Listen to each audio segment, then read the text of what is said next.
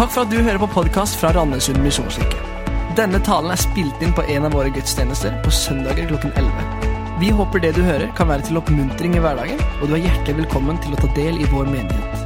Gå inn på mkirken.no eller Randesund misjonskirke på Facebook for mer info. Takk skal dere ha. I dag så eh, er vi i del to av taleserien 'Et enk enklere er bedre'. Et enklere liv, skulle jeg si, men det hadde jo vært veldig enkelt. Jeg er gift. Så um, greia er at uh, hovedpastor Jarle han starta her sist uke. Og han gjorde det gnistrende. Og hvis du ikke har hørt talen, gå inn på podkasten og hør den der. Og så er det litt sånn i vår stab Dere må be for oss. For vi sitter ofte der, og så fordeler vi det. Og så kommer disse gode bibeltekstene. Så sier Jarle de kan jeg ta. Og så eh, skal vi snakke om noe helt annet i dag. vet du, Økonomi. Liksom Få det på en åndelig skala. Sånn. Så bare Jarle Jeg kjenner meg litt syk, jeg. Eh, så han er hjemme i dag. Later som om han er syk. Ja, Det klarer jo du, da, Jelling. Det går fint, det. Og så her er jeg, da. Så han tar alltid de godbitene, og jeg tar økonomien. Så hvordan for det første hopper du etter en god tale, og hvordan berger du dette land? Ja, ikke sjans i havet. Så når det virkelig skal gå ille, så trenger jeg et par sånne håndsopprekninger. Dette er ikke vanlig her, men det er bare for å skyve oss over kanten med en gang, så er det gjort. Så hvis jeg spør hvem her i salen som overhodet ikke bryr seg om fotball, kan jeg få en hånd i været? Fotball bryr deg ingenting. Det er noen, Jeg har en tendens til alltid møte på sånne folk. Fordi jeg bryr meg utrolig mye om fotball og har aldri noen å snakke med. Så hvem bryr seg veldig mye om fotball? da? Opp med ei hånd. Gikk veldig bra i går, gjorde det det? Kommer an på hva lag du holder med. Jeg fatter ikke dette med økonomi og start og resultat, men det er en helt annen ting. Ok, Her er siste. Den har relevans for talen. Hvor mange av dere har gjort en eller annen dum økonomisk ting? Opp med ei hånd. Hey! Og så kan jeg si de som ikke rakk opp hånda, dere lyver nok. For, for alle over tolv år har gjort et eller annet dumt med økonomi. Jeg skal ikke langt tilbake. Et par måneder siden så gjorde jeg noe fryktelig dumt. Det er aldri kjekt i det hele tatt. Men vi skal snakke om enklere økonomi. Og det er jo interessant i Norge hvor vi i utgangspunktet har det bra, hvor vi i utgangspunktet er verdens lykkeligste folk, og hvor vi i utgangspunktet kan gjøre det bra. De har sagt hvis du skal bli millionær i et land i verden, så er det Norge. Det er de beste forutsetningene for å gå bra. Og i utgangspunktet er det veldig mye bra. Men det er likevel her vi har sånne program som Luksusfellen, eller heter det Ektefellen? Vi har eh, ei greie her i Norge hvor vi egentlig ikke får, opp, eh, får forandring, unntatt når det kommer til hjemmet vårt. For det kan vi jo ikke pusse opp ofte nok. Og det er jo alltid noe vi må bytte ut. Finn.no har en liten greie som heter Gisport. Og vi har noen amerikanere på besøk her denne helgen. Så bare viste de i går hva som ble gitt bort. De Bare så, er det mulig? Gir folk dette bort for ingenting? Ja, de trenger noe nytt. Det er tross alt tre år gammelt, det der. Må jo ha noe her. Og de var jo helt sånn. Vi har òg et problem i Norge med noe som heter forbrukslån. Og økonomer og andre de, de sier dette er alarmerende. For det stiger som bare det. I 2016 så Hva var det de sa? Mer enn 15 millioner milliarder beklager, var forbrukslån. Og det de sier som er veldig veldig alarmerende, det er at flere og flere klarer ikke å betale ned på det. Det blir bare en sånn evig runddans. Du kommer deg ikke ut av det. Fordi disse hyggelige selskapene de gir oss noen fordeler. Vi trenger ikke betale noe før på ni måneder. Til gjengjeld er det bare 21% men det er en helt annen sak, for du har jo tenkt å klare det innen da. Du kan spare opp masse fordeler sånn og sånn og sånn hvis du bare bruker kreditt. Men de, de, gjør det ikke for å være snill med deg. De gjør det for å virkelig suge mest mulig penger ut av deg. Og de sier det er en stor bekymring. Interiørbutikker melder om at flere og flere kjøpere ikke klarer å betale for sofaen, for interiøret, for dette de bare må ha. Eller som noen sa i TV-serien om det store oljeeventyret. Hva? Skal ikke en vanlig norsk barnefamilie ha råd til å reise til Thailand en gang i året? en gang? Og det er sant. Nei, det er faktisk unormalt det i verdenssammenheng. Og ikke alle har råd til det. Og det er noen ting her. Jeg hadde en kamerat av meg som kom. og Han visste jo ikke at jeg ikke var hovedpastor, at jeg bare medpastor. Og sa Roy Elling, du må kjøpe deg en Tesla. Sa, Tesla det er jo for hovedpastor, ikke for medpastor. Det er litt sånn Det er litt sånn mer Renault Zoé på meg. sant? Men så kommer hele salgspitchet, da. Og for å si det sånn Tesla, jeg skulle gjerne hatt deg. Eh, min Nei. Eh, og, og, så sier han det er jo bare 0,25% rente. Det er jo gratis. Og det høres veldig bra ut med 0,25% rente. Det som ikke høres like bra ut, det er at det da bare blir litt over 6000 i måneden å betale på dette i de 100 neste årene. Og at det er slutten på Teslaen er ikke slutten på lånet mitt. Men det er bare 0,25% Så jeg sa det må du gå til Jarle med, for han er hovedpastor. Og så har en av og til snakket om at vi kan være uh, avhengig av narkotika, av alkohol. Men vi ser utrolig mange som er avhengig av shopping, av å reise, av å bare forbruke.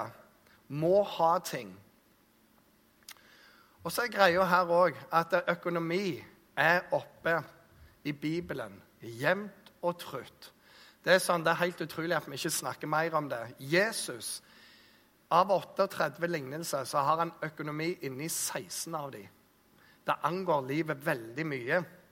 Kong Salomo, som regnes som en av verdens viseste mann, han var eh, gjennom sine ordspråk Det bare kommer det ene etter det andre som handler om økonomi om hva du gjør, hva du ikke gjør.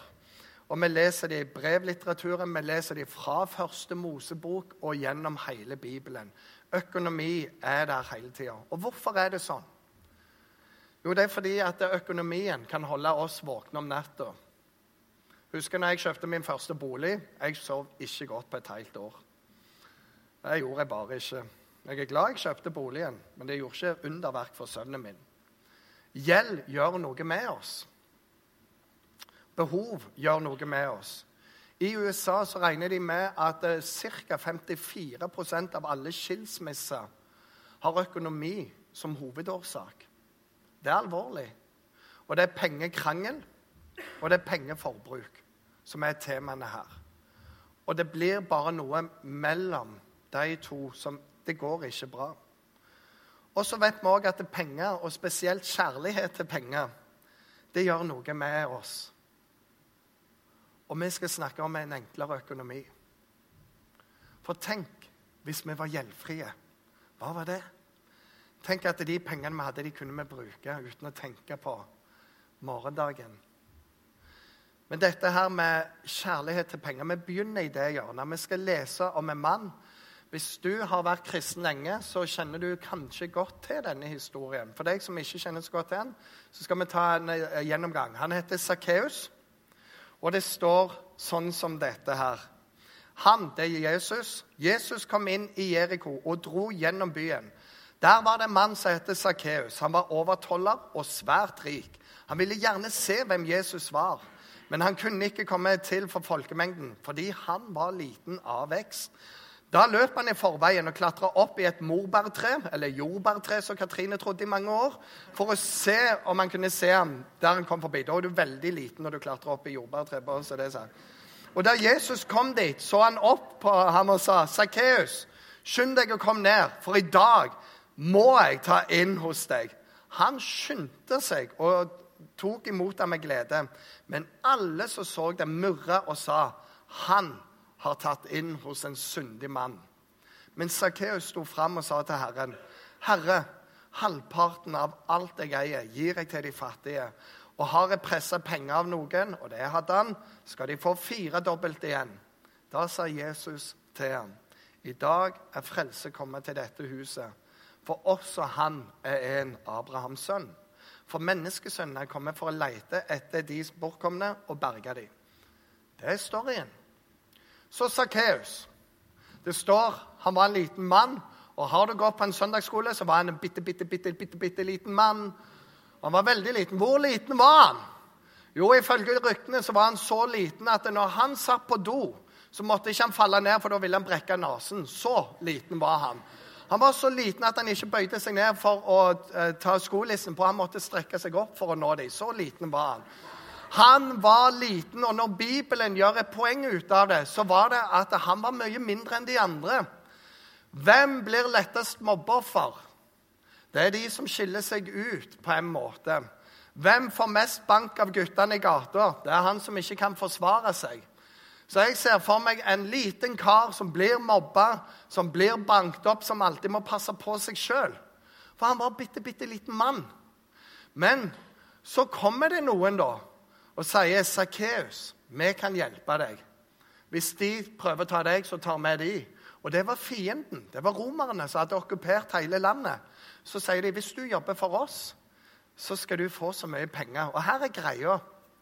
Du må eh, ha skatteinndragelse fra dine landsmenn. Vi skal ha så mye, så kan du legge på det du syns. Og alt det du syns, det beholder du sjøl. Og Utgangspunktet er jo at han er liten, han er utsatt fra før av, og han har mulighet for hevn. Og han har mulighet for posisjon. Endelig har jeg venner. Så når de kommer da og skal betale litt, så kan han legge på hva han vil. Og de som har mobba han Nå skal de sannelig få igjen med renter. Og han bygger seg opp en formue hvor alle landsmenn hater han, men hvor han har sine allierte av de andre som klarer å karre til seg. Han får et fint hus, for det står at det var mange gjester, det var god stemning. Han hadde penger. Og alt var røvet fra sine landsmenn. Så folk hater han. Og han visste når Jesus kom forbi, så hadde ikke han en sjanse å stå der med de andre. For folk ville stenge for. Han trengte romerske soldater for å finne en plass. Samtidig så tror jeg at med Sakkeus så har det hele tida vært en lengsel etter å være godtatt, etter bare å være elska, etter å være verdsatt for den han var, og ikke for hvordan han så ut, eller hva han hadde gjort. En plass der han ikke måtte kjøpe lykken. Og han som hele livet da måtte rettferdiggjøre sine egne handlinger. Ja, men det er ikke så gale. De har gjort så mye galt mot meg. De har mobba meg.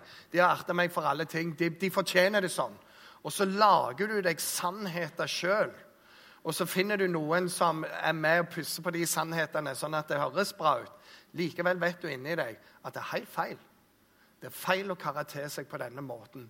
Det fins ingen velsignelse i det. Og så hører han om Jesus, som er så annerledes. Og han må bare se han. Og en verdig mann klatrer ikke opp i et tre. En verdig mann står der bare. Men han måtte se Jesus. Det var noe med Jesus som var annerledes. Og, og vanligvis når du hører småen, og du hører alle skjellsordene og Vær der oppe, og så kommer Jesus og sier han bare 'Sakkeus'. Og så hører han den varme i den stemmen. Det er noe annerledes med han. Det gjør noe med han, det smelter han. Og det er det Jesu møte gjør med oss alle. Hvis vi tar imot han, sier 'Jeg vil gjeste ditt hus'. Og alt vi trenger å gjøre, det er å si 'Kom, Jesus'. For han har allerede invitert seg sjøl inn. Og han sier han òg er en Abrahams sønn. Og du òg er et Guds barn. Du vet det bare ikke alltid. Og så kommer han inn midt oppi all synd og elendighet. Alt som er rundt, og all maten som serveres. Det er ikke bra. Hvor har han fått pengene fra? Jo, han har stjålet dem. Og der sitter Jesus og spiser med ham. Alt er annerledes. Og så er det noe spesielt som vi ikke ser så mange ganger i Bibelen, men vi ser det her, og vi ser det noen plasser til. Han finner frelse, han finner forsoning, og så finner han òg en forløsning når det gjelder penger. Pengene har bundet han hele livet, men nå er det bare sånn Og når han sier 'halvparten gir jeg til de fattige', det ble en bra gave, det. Og idet han sier 'firedobbelt gir jeg igjen', da sier han OK, nå er du fattig. Det regnestykket går ikke opp. Nå er du fattig. Men det er noe med dette her møtet med Jesus som bare setter han i frihet. Det er en enklere økonomi. Og Jesus sier 'Frelser, kom til dette hus'. Det er helt fantastisk. Han har fått en frelse til himmelen. Han har fått en frelse fra de materielle tingene. Og han har fått en frelse fra dette nederlagsstempelet som er over hans liv. Han er noen fordi Jesus sier 'Sakkeus, kom ned, jeg vil gjeste deg'. Og så er det jo da spørsmålet kan vi gjøre noen grep for våre liv som gjør at vi får et enklere liv. Jeg tror ikke så mange av oss jobber for fienden. Jeg vet ikke helt hvem fienden er lenger. Vi hadde noen før, men det har skifta så mye opp igjennom. Stort sett så er det meg sjøl. Men hva kan vi gjøre for å få en enklere økonomi? Og vi skal bare skifte tekst.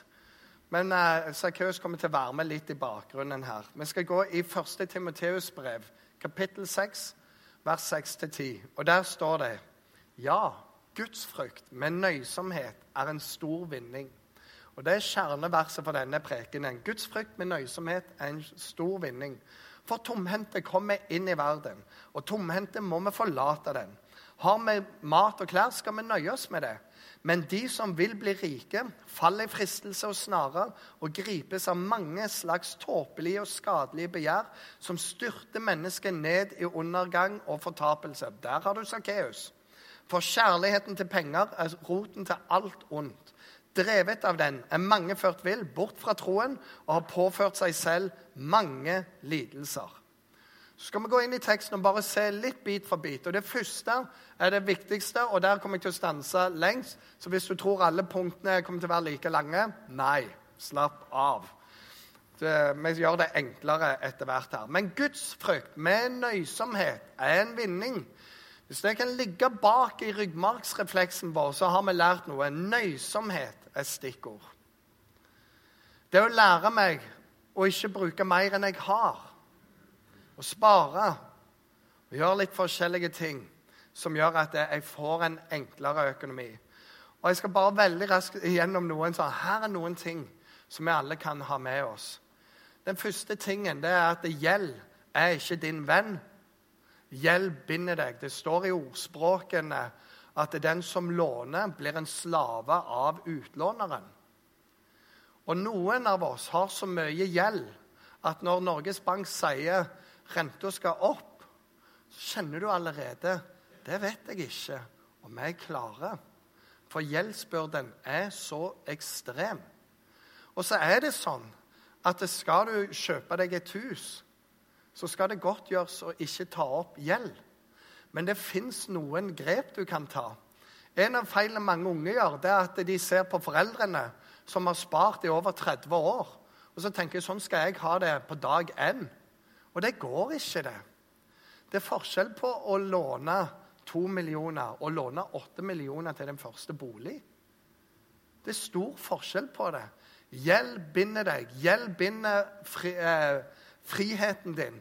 Gjeld binder økonomien din. Og du må gjøre hva som helst for å holde den så lav som mulig. Så noe må vi ta opp, men det er masse vi ikke trenger å ta opp. Og så er det noe å ha som mål å ikke øke den litt etter hvert. Ha som mål å komme ned igjen. For kan du bli gjeldfri, så er det en helt annen frihet i det. Du kan kjøpe deg et utrolig stort hus, men det er ikke sikkert at det gir deg et hjem. Av og til er det bedre å eie lite enn å ha mye å sove urolig. Jeg har da en kamerat som alltid har hatt dette som mål å ha et lite hus. Men så var vi i USA på en studietur, og der bodde vi hjemme hos folk som hadde mange ekstrarom. Og vi får lov å bo der. Så sa han nå har jeg fått et nytt mål i livet. Jeg skal ha et stort hus. Men det er ikke til meg sjøl. Men jeg vil være et hjem der folk alltid kan komme. Hvis det trengs noen gjester i Randesund, så skal de komme til mitt hus. Han er ganske ung, han her. Så han måtte omstille her. Men gjeldsbyrden din gjør noe med deg. Kom deg ut av gjeld. Det andre er kredittkort er veldig kjekt, for du kan spare flymil. Det er jo veldig bra. Til slutt så får du råd til en brødrister etter tre år. Hvem vil ikke ha det etter tre år? Og du får veldig mange gode fordeler. Her er greia. Hvis du er helt ærlig med deg sjøl, De aller, aller fleste klarer ikke betale skikkelig ned på kredittkortet sitt. Så klipp de i stykker. De fordelene der trenger du ikke. Du trenger å ikke komme i gjeld, for det binder deg. Så noen er utrolig flinke med økonomi. Det er inn og ut, og så tjener de penger på alt, og så flytter de rundt, og dette er fantastisk. Men det er ikke sikkert det gjelder deg. Og kredittkort er fare nummer én, og det øker gjelda di. Så hvis du ikke kan håndtere det på en utrolig god måte, og være helt ærlig, så bare hiv alle kredittkort. Ja, men jeg sparer jo 23 øre på øh, bensin. Ja, Så betaler du 23 kroner i avgift fordi du ikke klarte å betale det likevel. Klipp det i stykker. Det tredje punktet på dette lev etter lønnen din. Det er så lett å se hva de andre har, og så må vi ha. Og det er én greie vi trenger å komme til livs med, og det er denne 'jeg må ha'. Jeg har bare lyst på De har kjøpt en 24-fotsbåt. Jeg skal ha en 26 fot. De har fått 26 fot. Jeg bare kjenner Guds kall til 28 fot. Hadde vi bare hatt 31, da hadde vi hatt den så brei og vi hadde hatt den så lang og vi hadde fått en ekstra køye at den naboen har kjøpt en 34 fot. Søren. Da kjøper jeg den Teslaen der. Du må leve etter lønnen din, ikke etter en annens lønn. For det er lønnen din du har å forbruke. Guds frykt med nøysomhet og så trenger du å komme deg inn på et budsjett. Skal jeg virkelig bruke så mye penger på det? For vår del har det vært skal vi bruke alle våre penger på ferie. Du må sette det opp i et budsjett. Fins det noen andre ferier å reise på? Svaret er nei, selvfølgelig, men jeg bare stiller spørsmålet. Og så og så er det der å klare å komme seg i en posisjon i livet der du kan gi. Og jeg snakker ikke om å bringe tienden inn, men jeg snakker om å gi og være sjenerøs. Blakke folk kan ikke gi. For du har ingenting å gi. Du må ha noe for å kunne gi noe. Så da er det disse tingene. Kom deg ut av gjeld. Kvitt deg med kredittkort. Lev etter lønnen din, ikke lev etter begjæret ditt. Lev på et budsjett. Spar og invester. Og oppi dette, hvordan kan du komme i gang, sånn at du begynner å få orden på dette? Og Jeg kan si jeg gjør mye av dette her sjøl, og det er, det er, enkelt og utrolig vanskelig. Fordi det er så mange ting. Men det funker. Så her er første punktet. Hvordan komme i gang? Spar noen penger på kontoen. Ha som et mål kanskje først ok, jeg skal ha 1000 kroner. Skal jeg ha 5000? Skal jeg øke til 10 000? Jeg skal ha en månedslønn på konto. Og så vet jeg noen som sier de har alltid to månedslønner på konto. og Det ser alltid bra ut. Men det betyr at hvis varmtvannsberederen ryker, hvis andre ting skjer, så er ikke det krise, for du har spart til det. Du sparer til en dårlig dag, og så kan du spare opp igjen. Det uforutsette som skjer, er ikke krisen din.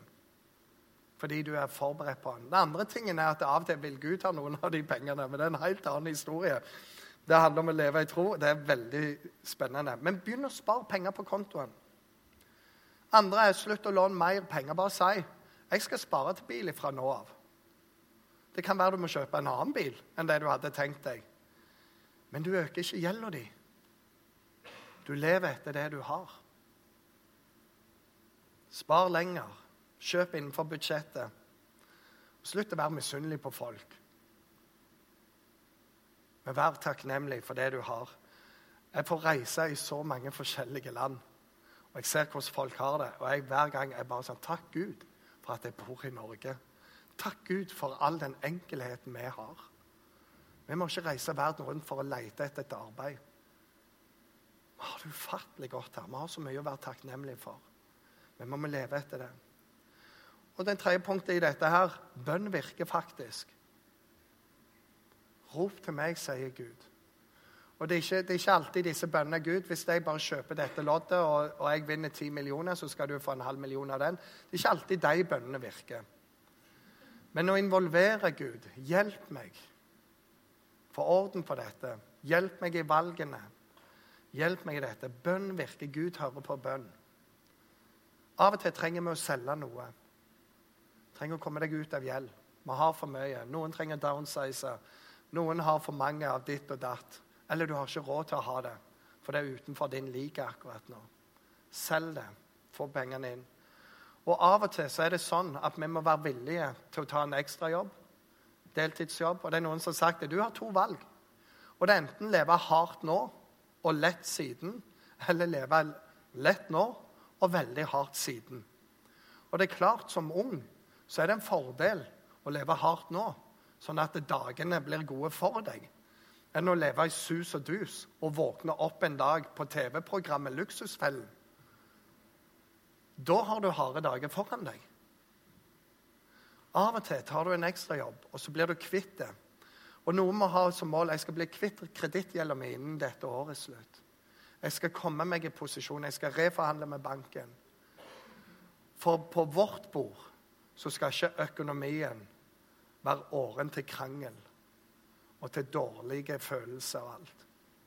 Jeg skal ha en enklere økonomi, og Gud skal være i økonomien min. Han bryr seg mye om det. Gudsfrykt med nøysomhet. ok? Masse praktiske der. Så går det fortere videre ned gjennom. Så står det For tomhendte kommer inn i verden. Vi er født med ski på beina, så det stemmer ikke helt. Men tomhendte forlater man òg. Sist uke så var det en multimilliardær fra Texas som døde. Han hadde business i hele verden. Han eide sånn skyskrapere rundt omkring i alle de store amerikanske byer. Og spørsmålet var hvor mye etterlot han seg? Svaret er bak alt. Han etterlot seg alt. Og det gjør du òg. Tomhendte kommer inn, og tomhendte farer vi herifra. Bruk pengene som det er hefta så mye urett med, sier Jesus, til å vinne dere venner i det evige riket. Samle dere skatter i himmelen, sier Jesus. Hvor hjertet ditt er, det vil skatten din være òg. Og det å vite det, sånn er det. Vi kan leve et godt liv, men det skal ikke styre meg. Neste vers sier dette. Har vi mat og klær, så skal vi nøye oss med det.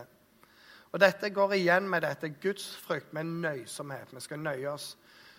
Jens Kåre Lindahl, som er pastor i Vågsbygd misjonskirke, husker når han flytta til Vågsbygd, så var det et lite rekkehus. Og vi venner vi var veldig ivrige på hans vegne.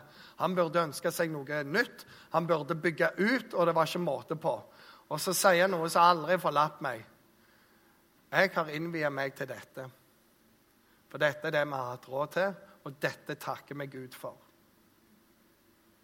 Og så levde de der i mange år.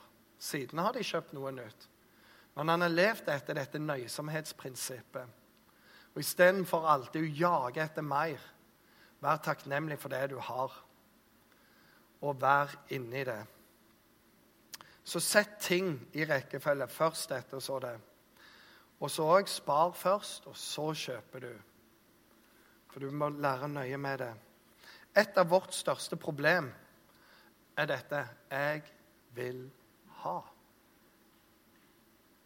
En bare må ha den sofaen.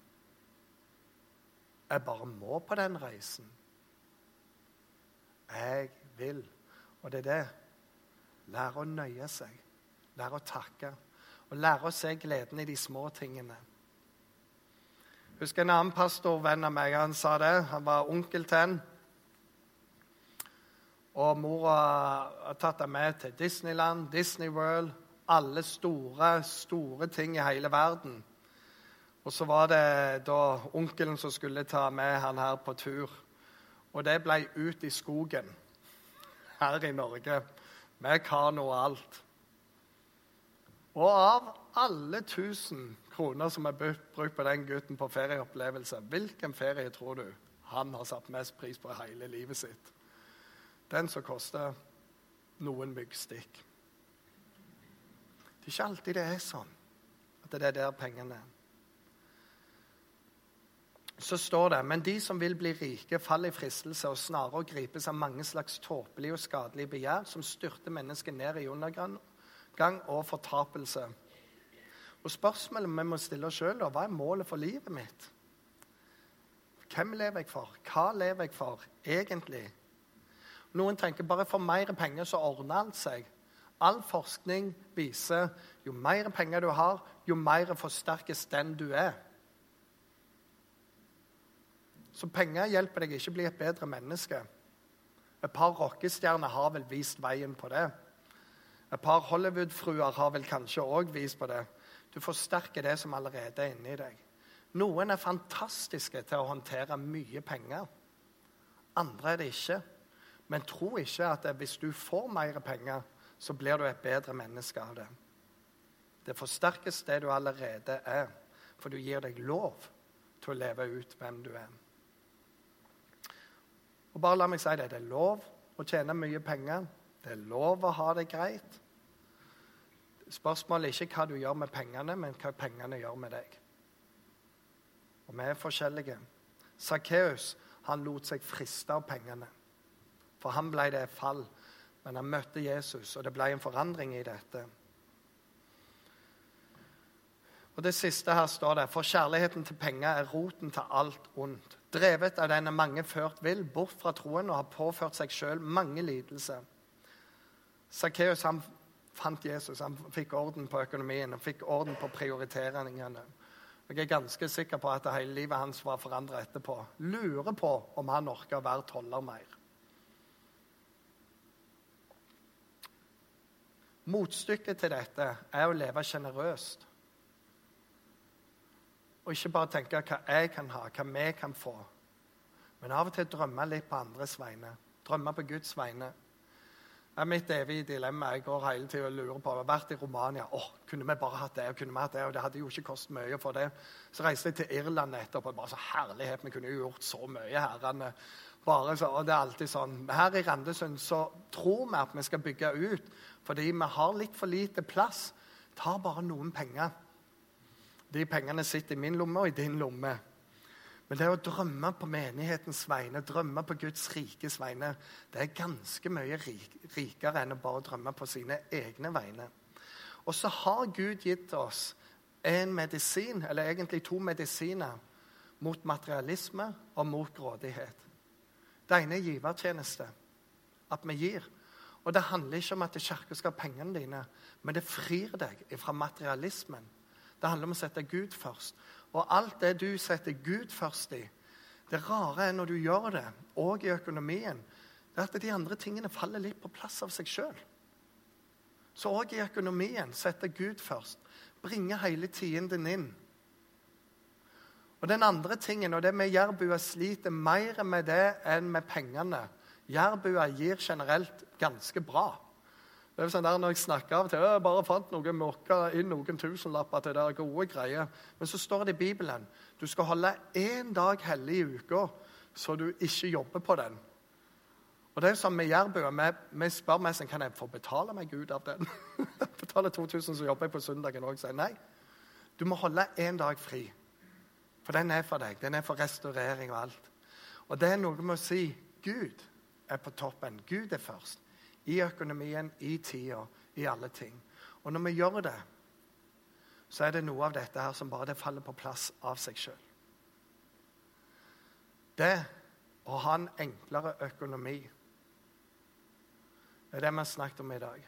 Og En av greiene for oss det er ikke å få mer gjeld, men jobbe med gjelda sånn at den kan komme ned igjen. At vi ikke er fanget av det, men at penger er mulighet. Tenk om du kommer den dagen og så bare 'Jeg har ingen gjeld. Jeg kan bruke pengene på hva jeg vil. Hvor mye jeg har vi på konto? Hva skal vi finne på nå? Det var For en følelse. Og en annen ting, for jeg kjenner mange som gjør dette her, det er at noen de gir sin tiende inn i sin menighet. Og så legger de til side. Noen gir tiende, sparer tiende, lever på 80% Fantastisk måte å leve på. Men så der òg av og til så tenker de hvem skal vi velsigne? Og så leter de etter folk å velsigne, og av og til bare overøse. Og så mange historier om hvordan det betyr bare en evig forskjell for den som får det. Men gleden er ikke størst hos den som får det. Gleden er størst hos den som gir. For det er større lykke å gi enn å få. Helt, helt til slutt. Det er et gjeldsbrev som går imot meg og som går imot deg. Og det er gjeldsbrevet over alt det som du har gjort galt i livet ditt. Og Det står i Bibelen at det er det gjeldsbrevet som djevelen holder opp for Gud hele tida og sier nå skal du se hva Roy Elling har gjort galt. Og jeg trenger bare ta det siste døgnet her. Det er ganske langt. Så står det gjeldsbrevet som gikk imot deg, det tok Jesus, og han nagla det på korset. Sånn at når djevelen gir det over, så begynner å lese, og ser han bare Jesu blod. Så det står ingenting her. For du er dekka av Jesu blod. Gjeldsbrevet som gikk imot deg, nagla Jesus til korsets tre. Når han ble til forbannelse for alt vi skyldte, sånn at vi skulle gå fri. Det er det han har gitt oss. Han har gitt oss alt. Og så står det kan han noe annet enn å gi oss alt sammen med han. Gud er en giver. Og det Gud vil for deg, det er at du skal ha frihet i alle ting. Og i økonomien. Han som har satt deg ut av gjeld, vil òg hjelpe deg i økonomien. Det skal være lovsangen nå, og så er det sånn at nå har jeg talt om noe, og jeg vet Jeg skal være veldig ærlig. Jeg har ikke gleda meg til denne dagen her. Eh, fordi økonomi, det, det rører så dypt. Og det er så sårt. Og det er så vanskelig. Og hvis du sliter, så er det bare pyton. Men min bønn for deg er at du skal bli fri fra det. Gi det til Jesus. Guds frykt med nøysomhet. Og så bærer vi òg inn andre ting med oss her. Noe med sykdom, noe med andre utfordringer. Eksamen for en del unge folk her. Vi har bønnekrukke der. Vi har folk som vil be for deg inni det rommet der. Og vi har en lysglobe der du kan tenne ting. Og så har du dine bønner med deg her.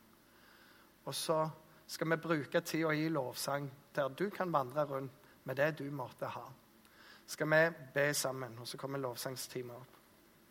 Herre Jesus, jeg takker deg for at det gjeldsbrevet som gikk imot meg, og det gjeldsbrevet som gikk imot oss pga. våre synder, det tok du bort når du nagla det til korset og stilte fienden fram til spott og spe når du triumferte over ham på korset. Jeg takker deg for det. Til frihet har du kalt oss. Til frihet. Og Herre, jeg takker deg for du ser det er et tema vi har hatt i dag, som er et vanskelig og stort tema med økonomi. Så er det så mange av oss som ikke føler at det er frihet. Men det er virkelig et bånd over våre liv. Herre, hjelp oss å forandre kurs. Hjelp oss å leve et liv som handler om å ha gudsfrykt med nøysomhet. For det er en vei til stor vinning, sier du i ditt ord. Hjelp oss, Herre. Jeg ber om at økonomien skal bli vår venn. Jeg ber om at du må hjelpe oss å leve på en sånn måte at det er frihet, og at du gjør oss rause. Herre, hjelp oss å ta de nødvendige grep for livet. Hjelp oss å bringe tienden inn, og hjelp oss å leve som sjenerøse folk, Herre. Jeg ber om det. Sett oss i frihet, Herre. Hjelp oss ut av dumme situasjoner. Jeg ber om det i ditt hellige navn. Amen.